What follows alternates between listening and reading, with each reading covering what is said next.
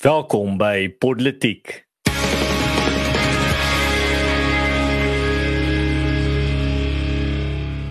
Hallo, my naam is Paul Marit. Saam in die ateljee is Erns van Sail. Hoopelik sluit Frederik van Dijk binnekort by ons aan. Um hy werk in Johannesburg, so mens verstaan verkeer as 'n kwessie vir hom. Uh en in in vandag se episode het ons drie lekker stories: Ramaphosa se kontant, EFF se nasionale stilstand en Gupta's gevang in die buiteland. Reg so Paul, so ek dink twee van hierdie stories uh, het nou verband met mekaar. So ek dink ons gaan met hulle twee begin. So jy kan sommer vir ons inlei met die groot storie wat die uh, meeste mense van uh, gesels het voordat daar uh, die uh, Gupta storie uh, ook nog op die skerms verskyn het van uh, almal wat nou deur hulle sosiale media gaan. Was die groot storie wat almal van gepraat het. Eerstens 'n uh, groot en ernstige beskuldigings teen die president uh, en ons kan sommer met hom inlei. Ja, so uh, daar's ernstige aanklagtes vir teen president Cyril Ramaphosa gemaak is. Uh ons 'n bietjie agtergrond gee. So die 2de Junie, dis 6 dae terug, het Arthur Fraser, hy's natuurlik die voormalige hoof van nasionale intelligensie of uh soos wat internasionale koerante naam vernoem die top spy, um of chief spy. Uh hy het klagtes ingedien dat daar in 2020 ongeruimthede was by president Ramaphosa se wildsplaas Palapala, ek hoop ek sê dit reg. Uh en dat daar 'n uh, poging was om 4 miljoen dollar of 3,2 miljoen pond te steel en dit is omtrent gelyk dan aan omtrent 64 miljoen rand se kontant. Ehm um, nou meneer Ramaphosa het toe die 5de Junie het hy gereageer en hy het homself verdedig. Hy het gesê dit is so dat daar 'n diefstal by sy plaas was, maar hy het nog nooit geld gesteel nie. En gister, die 7de, Julius Malema gesê dat president Ramaphosa op sy moet staan. Genoeg so 'n bietjie agtergrond verder. Uh dit is so dat meneer Freyser 'n uh, 'n vernoot en 'n kameraad van Jacob Zuma was en moontlik nog steeds is, daaroor kan ons nie sekerheid hê nie.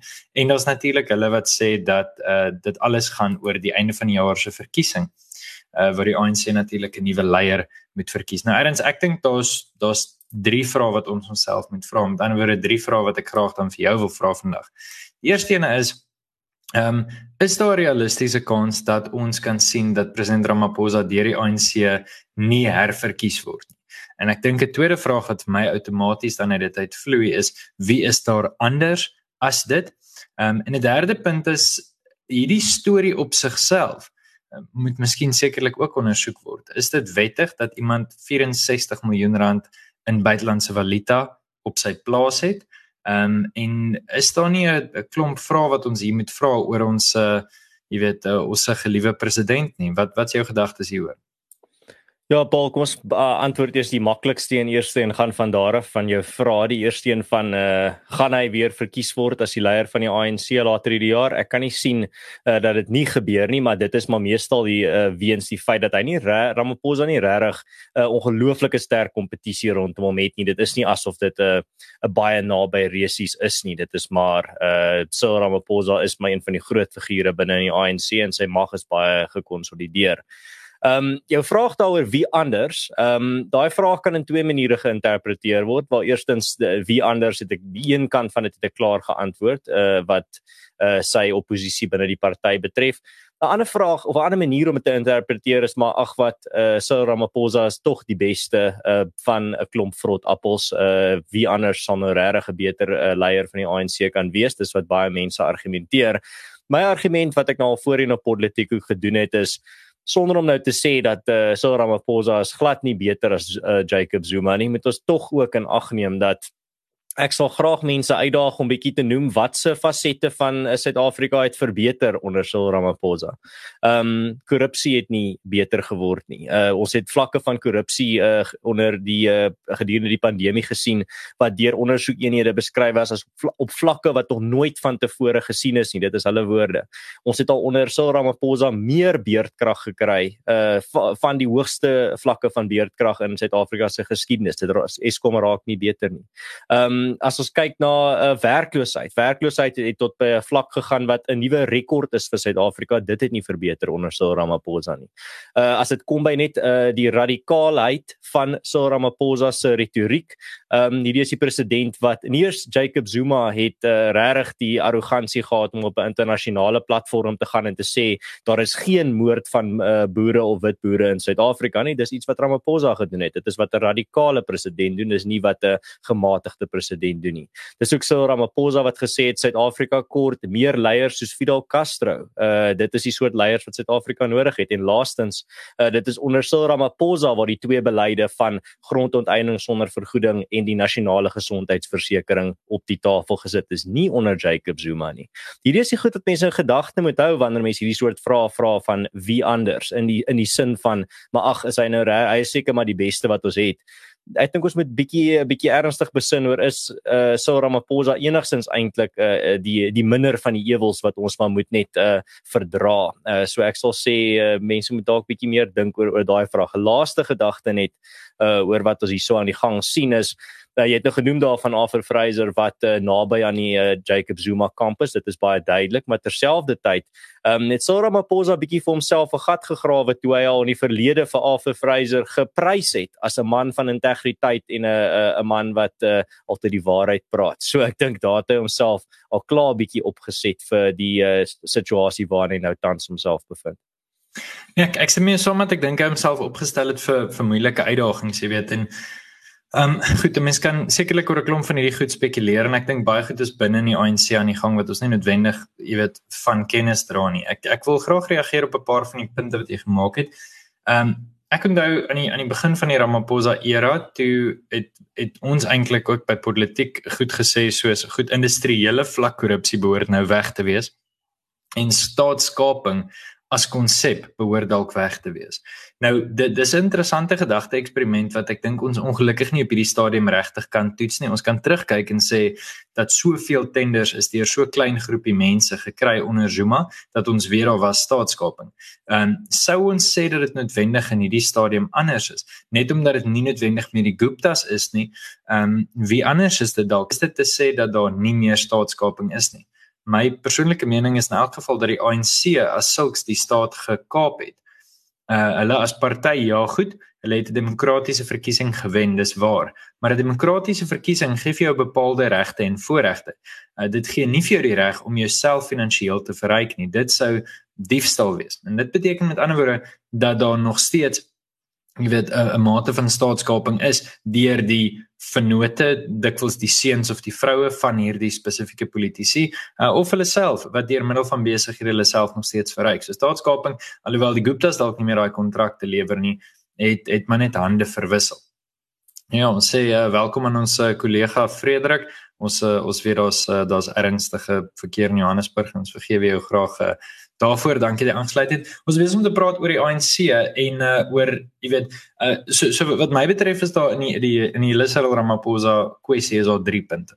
Uh soos wat ek vir jou genoem het. So ek dink die eerste een is ek stem met jou saam dat ek dink ondanks wat ook al gebeur Ramaphosa is slinks genoeg en ervare genoeg om weer as president uit die stryd uit te tree kom einde van die jaar. Ek dink nie daar's regtig ernstige oppositie nie. Ek dink nie iemand soos Lindiwe Sisulu het die tipe naamerkenning en gesigherkenning wat hy het nie en ek dink nie die internasionale sektor vertrou haar genoeg nie.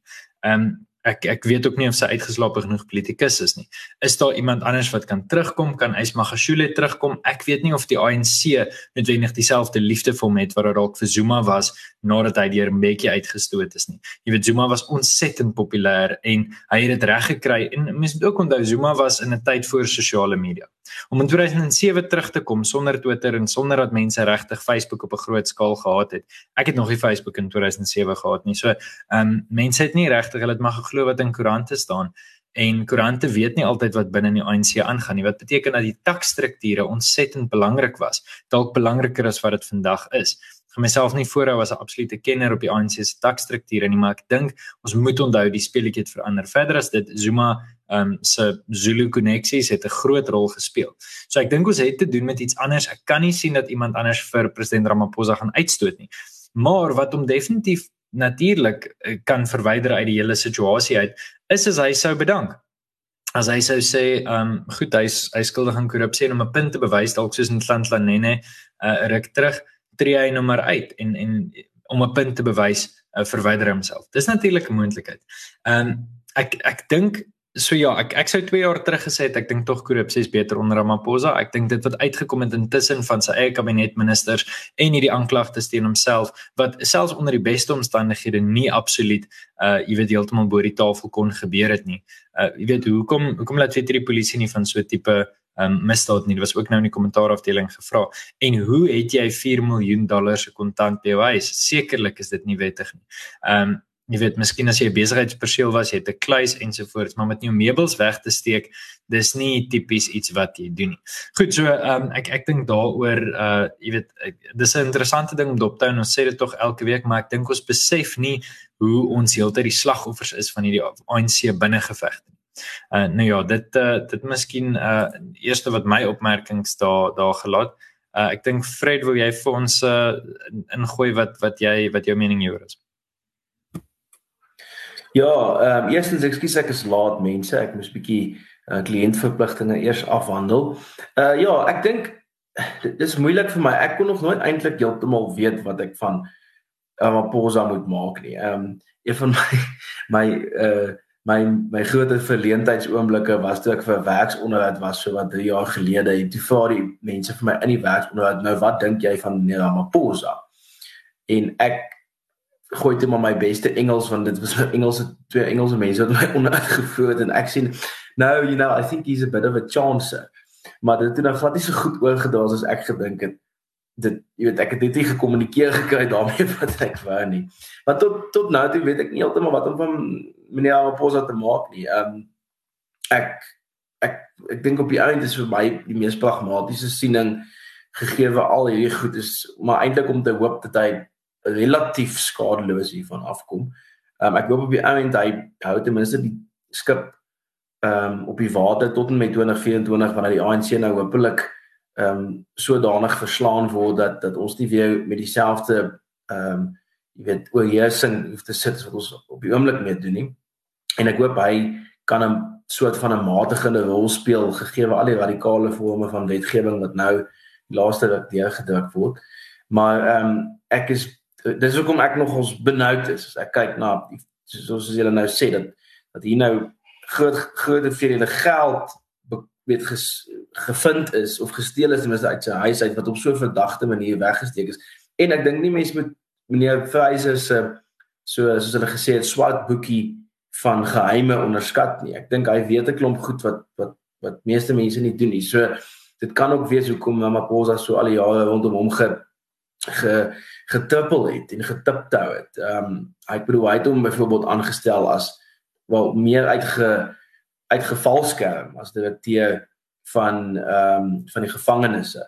Uh so jy weet dit dit ek ek hoop maar eintlik op die ou end kom hy relatief skadeloos hiervan af en dat die dit 'n RET faksie foefie is. Ehm um, dit is natuurlik baie moeilik in die konteks van die feit dat daar weggesteekte geld was. Of dis die bewering dat dit mens op die tafel is. So ek dink uit 'n aard van 'n regsoogpunt moet die reg sy gang gaan, maar van 'n politieke oogpunt hoop ek ons kan ons kan uh hy kan nog 'n bietjie met ons wees dat ons nie vir meneer Mabuza en die en wie ook al hy, jy weet die AJT faksie by wie hy homself waarskynlik sal skaar dat ons hulle hopelik nie aan die hoof het nie. Want ek dink dit sal 'n klomp vordering van die laaste paar jaar ongedaan maak. Alright, ja, Fred, uh, ek wil net dalk daarby bylas. Jy sê nou jy hoop uh, hy kom hier uit uh, sonder enige skade. Ek sal sê as ek moet sê as hy iets is waarvoor ek hoop, is dat dit uh, geregtigheid seëvier of hy nou skuldig is of nie. Vir my gaan dit baie belangrik oor ehm um, ek probeer altyd myself in die skoene sit van mense wat uh so 5 jaar terug geleef het uh onder uh so onder Jacob Zuma. Mense wat toe as jy gedink het wat uh as jy nou 5 jaar terug gaan met baie van ons is ons nog vroeër op universiteit. So ons het nou nie regtig uh politiek uh, so diep geanaliseer nie. Maar ek dink terselfdertyd op daai ouderdom as iemand vir jou sou gesê het as daai ehm um, uh, as die as die beskuldigings van staatskaping die eerste keer in die nuus begin breek het toe dit nou nog nie bevestig was toe daar nog nie ondersoeke gedoen is het ons nog baie min geweet het as mense daai tyd vir jou gesê het jy weet hierdie is alles net 'n plooi om vir uh, om vir Jacob Zuma uit sy posisie uit te kry hierdie is alles maar net 'n 'n storie wat gebruik word om vir Jacob Zuma te ontsetel dan sou jy vir hulle gelag het. Jy sou vir hulle gesê het, "Waarvan praat jy? Ons moet hierdie goed ondersoek. Hierdie lyk ernstig. Hier lyk my as 'n rookie wat hier so draai." Maar hoekom nou wat onder nou dat dit onder Ramaphosa gebeur is almal besig om wel nie almal nie, maar baie mense besig om laer te trek en te sê maar eers daar's belangrike goed waarop ons moet fokus. Ons moet nou regtig fokus op uh, seker maak dat uh uh ag ek weet nie um, werkloosheid word uh, word beter en die ekonomie herstel en hierdie en hierdie. Ons kan nie nou die president uit sy posisie uit verwyder nie hoekom kry hy daai spesiale uh, hantering en sagte hantering wat Jacob Zuma nooit sou gekry het nie. Dis eintlik maar net meer my vraag wat ek meer aan die breër gehoor wil vra om bietjie aan te dink want uh, as hierdie soort beskuldigings teenoor Jacob Zuma daai tyd gelig was, sou dit definitief 'n ander storie gewees het. Ons sou nie uh die soort die die kaliber van meningsstukke gesien het uh, wat ons vandag sien. Nie amper 'n 'n een eensydige front van mense wat sê maar joh, ehm um, dit is nou jammer dat dit dit uh, hierdie beskuldigings nou gebeur het, maar jy moet onthou uh, Arthur Fraser kan nie vertrou word nie. Hy is besig met 'n agenda. Vir my gaan dit oor geregtigheid met C4 of Cyril Ramaphosa skuldig is of nie is wat bepaal moet word en dit is wat ek graag sou wil sien. Ek gee regtig nie om oor uh wie se faksie beskadig gaan word deur die waarheid nie. Vir my is dat die waarheid moet uitkom en as die waarheid uitgekom het, moet daar gevolge wees vir dit. En dit is wat ek dink baie Suid-Afrikaners voel as dit kom by korrupsie. Ons het nou vir te lank die soort verskonings gehoor dat ehm um, ja, hulle was korrup, maar terselfdertyd jy moet onthou, dit gaan die land in chaos in dompel as ons nou hierdie minister of hierdie leier sou tronk toe stuur of as daar gevolge wees vir dit dis maar dieselfde soort logika wat hulle wat baie mense gebruik het met uh, Jacob Zuma toe hulle gesê ons kan nie vir hom tronk toe stuur nie want dit gaan die land in chaos en dompel. Presies dieselfde logika as mense sê ons kan nie nou vir Cyril ondersoek uh, ernstig ondersoek nie want dit gaan die uh, dit gaan vir Suid-Afrika van koers af stuur en dit gaan uh, vir ons fokus laat verloor selfe logika is maar net ehm um, uh, jy moet miskien 'n bietjie dink oor die die die konteks wat dalk 'n invloed het op hoekom daai logika nou aanvaarbaar is vir party wat dit sou nie aanvaarbaar gewees het vir vir Jacob Zuma nie. Maar nou gepraat van gevolge en groot geld, ehm um, uh, Paul gaan jy vir ons 'n uh, bietjie meer o nee, dis ek wat van van vandag vir julle gaan vertel van die van die Gupta broers. Uh so hierdie is die groot storie wat gebreek het na uh die Ramaphosa storie regtig. Die die Ramaphosa storie het die nuus heeltemal oorheers um vir vir 'n lang vir 'n hele paar dae. Ek dink 2 of 3 dae.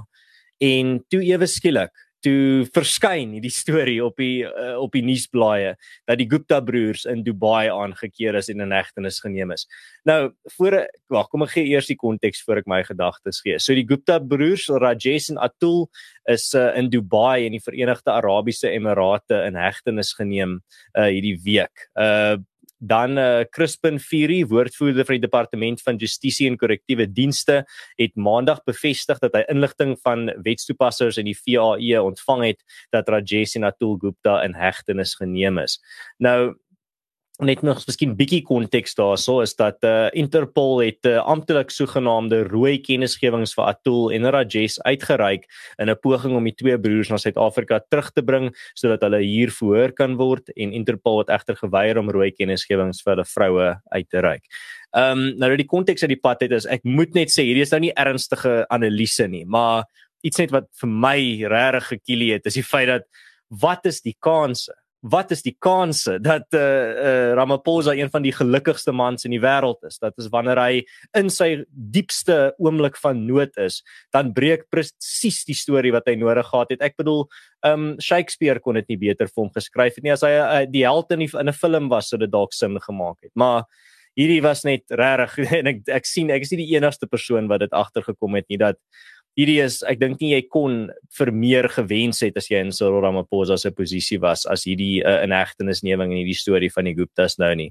Ehm um, ek moet sê uh van in my ervaring en my lees van geskiedenis, uh mans wat so gelukkig is, uh is gewoonlik mans wat uh met die met die duiwele ooreenkoms gedoen het. So uh, dit laat jou bietjie dink. Dit is net vir my ek gaan nie spekuleer oor uh, wat daar aan die gang is of hy eers 'n verbintenis is nie. Ek moet net sê dit is vir my regtig een van die vreemdste uh, tydsberekeninge van 'n storie wat ek in my lewe nog gesien het. ja, ek eh, ek ek wil ek wil graag meer saamstem maar vir my is dit bietjie anders. Ek dink ons vergeet baie keer dat arrestasie beteken niks nie. En dis dis 'n harde ding om dit te sê en jy weet dit kan pessimisties of sinies klink en ek jammer daaroor maar ek glo dit werklik. Wat is die beste moontlike scenario vir die Suid-Afrikaanse bevolking? Hierdie ouens word gearresteer. Uh of okay, goed, kom ons sê hulle word uitgelewer na Suid-Afrika toe. 'n Paar fotootjies word geneem waar hulle gearresteer word dalk. Heel moontlik kom hulle met 'n privaat jet aan. Niemand weet daarvan nie. Hulle maak een of ander ooreenkoms en gaan gee hulle self aan by die beste polisiestasie in die naaste aan hulle bates, wat ook al. Okay. Dan kry hulle die heel beste advokaat. Ons ken die beste advokaat. Dit is die ouens wat die hele tyd hierdie ouens verdedig. Een of 'n heel moontlike Afrikaanse ou wat baie geld gaan kry, 35000 rand 'n dag of meer gaan kry om vir hulle te verskyn. En op elke tegniese punt gaan hy uitstel en 10 jaar van nou af word hulle skuldig bevind en sit vir 20 dae in 'n minimum uh korrektiewe tipe fakulteit en dan word hulle 'n uh, fasiliteit en dan word hulle vrygestel uh en dit speel golf. Uh want hulle is siek. Ek ek ek bedoel nie om sinies te wees nie, maar dis wat met Shabir Shaik gebeur het. Dis wat met Jacob Zuma gebeur het. Hoekom watter rede het die Suid-Afrikaanse bevolking om te glo enigiets gaan hier gebeur? Hier's mense wat miljarde rande gevra het vir konsultasie op Eskom wat uitmekaar uitval. Uh dis mense wat elkeen van ons persoonlik skade aangedoen het. Ek bedoel ons weet van matrieks wat letterlik nie kering gekry het nie want hulle het 'n vak met 1 of 2% gemis want die aand voor die tyd was daar nie krag nie. Daai is 'n maklike lyn om te trek. 2 of 3 ure ekstra lig in die nag voor die vraestel wat jy vir jou kering kan kry is 'n rede hoekom jou toekomsdrome vernietig is. En ons duisende sulke stories. Hoeveel van ons weet van ongelukke omdat dit in groot stortreën nie omdat daar nie ehm um, robotte, jy weet, en en verkeersligte aan die gang was nie. Hoeveel van ons weet daarvan? Ek weet persoonlik van 'n paar sulke ongelukke, intendeel ek het 'n paar gesien. Intendeel ek was amper in 'n paar. Jy weet, hierdie hierdie ouens het het aktief ons land vernietig en ek is jammer om sien nie, ek kan nie sien dat enigiets met gaan gebeur nie. Ehm um, ek weet nie Frederik, wil jy graag daaroor uitbrei of ehm um, wil jy aangaan voor ek nog negatief is? Nee, nee. Nee, ek dink ehm um, dit verwoord absoluut wat hier aangaan. Uh ek dink wat Interpol betref, ja, dit is 'n ek dink ek die die rede hoekom dit alles so groot behaai is is eerstens want die meeste mense is oningelig en verstaan nie eintlik hoe werk die strafproses vir alles Interpol en hulle betrokke is, want dit is buitelandse jy weet dis dis interregerings ehm um, die polisieering en ehm um, verder dink ek mense is so desperaat vir sprankies hoop as dit kom by die vervolging van mense wat intiem betrokke was by die staatskapingsproses. So ja, ek ek dink nie ek dink regtig nie ehm um, uh ek ek weet nie wat om daarvan te maak nie, maar dis presies soos jy sê wat die uiteinde hiervan betref. Uh is die president wat Zuma betref wat Shabir Shaik en wat ek kan ander ouens ook noem Bongani Bongo wat op uh, wat wat ontslag toegestaan is in sy strafsaak voor regter Sloppe. Ehm um, Sloppe het eenvoudig in die regsreëls soos dit bestaan rondom ontslag in 'n strafsaak so gaan staan en buig en en omdraai, jy weet, net om hierdie hierdie ou te pas en hy was aangekla van korrupsie. Ehm um, terwyl hy lid van die parlement was. So ek kan verstaan dat mense skepties is oor oor ehm um, dis natuurlik vir my ook baie ironies dat dat uh dat die uh, Jacob Zuma stigting nou gaan probeer om vir advokaat Billy Downer die staatsaanklaer te vervolg, bevaar te vervolg. Ehm um, mense sou sweer hulle die hulle die strategie aangeleer by Gary Nelson vervolgingseenheid. Maar ehm um, nietemin wie weet Fred dalk gaan hulle die opdrag by Gary Nelson voordele vir hom vra om dit dalk te doen vir hulle. Ek sou baie dit nie vir Gary die brief gegee nie. Want dit is van Dali en Paul afhang weet ek nie. Nietemin ehm um, dat ek nie so van 'n kollega praat nie om sal ons aangaan dan na die volgende en laaste besprekingspunt. Yes, um ek uh, die die derde punt wat ons het vandag is die gedagte dat die EFF graag die land wil uh shut down om hulle woorde te gebruik. Hulle sê en ek moet met hulle saamstem. Jy kan nie R24 vir 'n liter petrol vra nie. Ehm um, dit is hulle saak. Hulle sê hulle gaan Vrydag die 10de gaan hulle die land shutdown. Nou mense moet ook weet as jy met die EFF werk, hulle het vir ons beloof hulle gaan uh clicks shutdown om aan te hou om daai woord te gebruik en daar was 'n paar gevalle waar daar een of twee mense opgedaag het en alleen by drie clicks gestaan het. So die EFF het nie noodwendig die mannekrag wat hulle altyd beloof nie, maar ons weet gewoonlik dat daar een of twee brandpunte is waar hulle tog regtig skade aanbring. Ehm um, so Ek dink die jy weet die die belangrike hier vir my is ja, brandstofpryse is besig om absurd hoog te raak en ja, daar is bepaalde goed wat die regering daarin kan doen. Hulle kan ekstra verligting gee. Daar is ekstra belastings en tariewe wat hulle nie noodwendig hier hoef te hê nie. Nou gaan hulle sê, "Oké, okay, maar hulle is baie afhanklik van daai inkomste."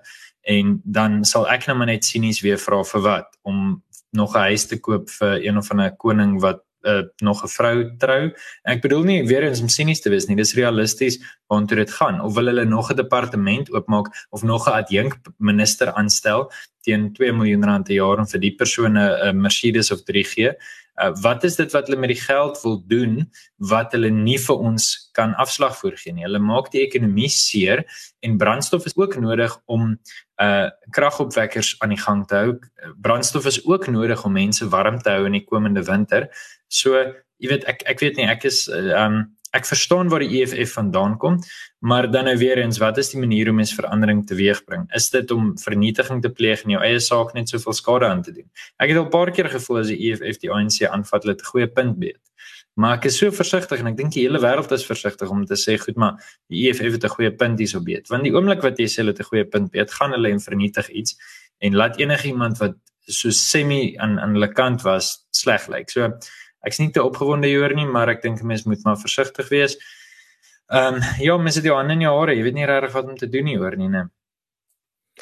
Ja, Paul, ek dink ehm um, wat ons hierso sien, ek het dit tydjie terug gesê is dat die die EFF sukkel die afgelope tyd om 'n kwessie te vind waar hulle regtig die kol tref en waar hulle regtig vir hulle vir nuwe stemmers uh, aanloklik lyk.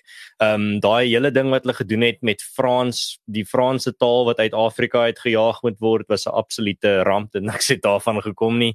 Ehm um, hulle hulle veld tog om te veg vir Kiba se reg tot 50 miljoen rand van Suid-Afrikaners se belastinggeld het ook plat geval. Dit het nie gewerk nie. Maar hier moet ek sê, petrolpryse is 'n soet soet kwessie. Hierdie is iets wat ek dink hulle baie min tyd kan slaan. En uh afhangende nou, ek gaan nie 'n voorspelling maak oor of Vrydag uh, uh hoe die skaal van wat Vrydag gaan gebeur. Ek dink daar gaan um definitief optogte wees en daar gaan definitief aksie wees. Maar terselfdertyd ons gaan maar moet sien. Dit gaan alles afhang van uh Want mens moet onthou dit is ook nie net die EFF nie. Dit is eintlik die EFF wat bietjie parasities uh, aan 'n ander beweging vasklou hierso. Dit is eintlik meer die taxi verenigings wat wat hierdie ding uh, aan die gang gebring het. Uh, dit was die taxi verenigings wat eers begin praat het van 'n shutdown en gesê het hulle gaan die 10de Junie um, gaan hulle dit doen. En die EFF het nou maar so half op die waantjie gespring, maar dit was nie hulle idee nie. Ehm um, dit moet ons ook dalk net in gedagte hou en ek dink dit is vir my 'n indikator dat daar dink dat daar definitief iets gaan uh, Vrydag gebeur. Is die feit dat die taxi vereniging speel hier rond nie. Die ouens sal hulle ouens in die strate hê en hulle gaan definitief ehm um, 'n uh, impak hê en hulle gaan sigbaar wees. So uh, dit daar gelaat. Ehm um, as dit kom by wat die EFF hier sou doen, dit is soos ek gesê het, dit dit pas nou in by 'n patroon in die aanloop tot 2024. Hulle verstaan net soos enige ander oppositieparty in Suid-Afrika dat 2024 'n absolute kritiese 'n uh, kritiese uh 'n verkiesing is waar almal kan die die bloed in die water ry, almal kan sien die ANC is gewond en swakker as wat dit nog ooit was in sy hele geskiedenis. Nou die ding is, uh die EFF het so so 'n kwessie wat die teiken tref nodig gehad. Soos ek gesê het, hulle vorige uh, pogings het regtig nie gewerk nie. En dit is nie eens gepraat van pan-afrikanisme nie. Um uh, Operation Dudula uh die ouens wat meer uh, op die kwessie fokus van sterker grense en op uh, uh onwettige immigrasie in Suid-Afrika en het baie meer momentum en ondersteuning onder die gewone mense as as die EFF se pan-afrikanisme. Nou wat ons net ook versigtig voor moet wees is dat die EFF wel ons gaan niks daaraan kan doen nie maar ons moet op die uitkyk wees en en hoop dat die EFF nie baie munt slaan uit 'n uh, swakker ekonomie nie want hieso is eintlik as hulle hulle kaarte reg speel as petrolpryse hoog bly as inflasie deur die dak skiet as ehm um, werkloosheid aanhou styg as die ekonomie regtig erg begin sukkel. Ek praat nou nie net van jou kar maak die die die motor van die ekonomie maak 'n snaakse geluid nie. Ek praat van pikswart rook begin by die ekonomie se engine uitkom dit is wanneer die die EFF gaan maak of breek. Dit is wanneer hulle of ongelooflike munt gaan slaan uit dit uit of hulle gaan wegval en hulle gaan nie kan kapitaliseer daarop nie. Ons moet hoop dat hulle nie kapitaliseer daarop nie. Vir 'n radikale linkse leninistiese party is hierdie ry ryp lekker grond vir 'n um, uh, teelgrond om te ploeg en om jou um, om jou uh, agenda in te plant. So uh, ons moet versigtig wees daarvoor. Dit is presies die soort uh, grond waaruit uh, ons uh, Hugo Chavez se beweging in Venezuela sien groei het. Dis presies dieselfde soort grond waar ons meeste uh, linkse populistiese bewegings uit sien groei. So dis waarvoor ons moet versigtig wees. Dis waarvoor waarvoor ons op die uitkyk moet wees en al wat ons maar kan doen is hoop dat uh, hulle aanhou luister vir hulle buitelandse adviseurs en nie uh, uh, plaaslike adviseurs aanstel nie. Ja, Ernst om by jou aan te sluit. Ek dink ons moet ons moet hoop dat die taxi verenigings en bestuurders nie te veel van 'n impak het nie. Ehm um, nietemin, ek dink eh uh, wat Vrydag in die dreigemente en die goed betref, eh uh, ek ja, ek dink dis soos jy sê, hulle het nou lank hulle nou dalk is dit nou 'n geval van twee keer probeer en third time lucky. Ehm um, En uh mense hoop nou maar hulle kapitaliseer nie te veel op die ding plus die feit dat Ramaphosa iets wat in die nuus is nie en mense hoop alle alles te samegevat dat die Gupta nuus of demper sou plaas op op baie van die dekking wat wat wat die wat die pers normaalweg aan die EFF en hulle goed sou gee. Ehm um, ek ja ek, ek was nog dit was nogal treffend dat jy genoem het van die Hugo Chavez opkoms. Ek het self nogal daaroor gedink vandag op 'n call toe ek net van die goed sien het ek dog nogal ja, jy weet dit kan nogal in hulle hande speel op daai manier op 'n strategiese wyse maar ek dink Suid-Afrika het dalk 'n klomp ander goed wat dalk in ons guns ten minste in die gunstel van die ouens wat hulle nie in beheer sal wil hê nie maar die groot dit hang natuurlik af of die groot vraag is of die matige stem in Suid-Afrika ehm um, sal se vier deur deur in die waarheid hulle stem te laat hoor en en en te sê maar ek ons gaan nie met hierdie tipe oplossings vir probleme vir 'n dag kom nie. Want soos jy soos jy ook gesê het die EFF het die manier om dikwels 'n vinger op die pols te hê van 'n probleem waar we almal kan saamstem 'n probleem is ehm um, nie met alles nie maar maar soms en dan volg hulle dade of hulle reaksie daarop is van so aard dat geen mens hulle self met dit kan assosieer nie. Ehm um, en wat dit natuurlik jy weet wat en hulle kom natuurlik weg met die feit dat hulle dalk op 'n gedeelde kwessie hulle vinger geleer. Ehm um, so mense hoop nou maar net mense word nie geflous deur hulle styl en tegnieke en hulle groot strategie in die proses nie. Ehm um, ek ja, ek ek dink nogal daar's dit dit is dis 'n ding wat baie kante toe kan gaan uh in die EFF se geval maar ek dink tog ook daar is iets wat van 'n ek kry so 'n gevoel dat Malema spandeer baie meer tyd saam met meneer Ndlozi en en uh uh en hulle ander kollegas in strafverhore verskeie voorvalle dat hulle dalk nie dalk nie so baie tyd het om behoorlike veldtogbeplanning te doen nie. So ja, dis maar al wat ek kan byvoeg. Hmm. Nou uh, Ramaphosa mag dalk uh finaal verby wees, maar hierdie episode is eers vir nou verby. Uh julle kan gerus vir ons 'n kommentaar lewer in die kommentaar afdeling as julle geluister het op YouTube en as julle op enige ander podsending platform geluister het, kan julle ook daarso vir ons 'n resensie los uh of selfs as daar 'n kommentaar funksie is vir ons 'n uh, 'n kommentaar daarso lewer. Uh, onthou ook asseblief om hierdie episode te deel waar ook al jy dit geluister het, uh deel dit op Facebook en op Twitter en op enige sosiale media of selfs op WhatsApp ook met jou vriende en familie en uh, vertel vir hulle van hoe lekker jy elke week saam luister hier so met die politiek manne. So dankie dat julle ingeskakel het. Tot volgende keer. Totsiens.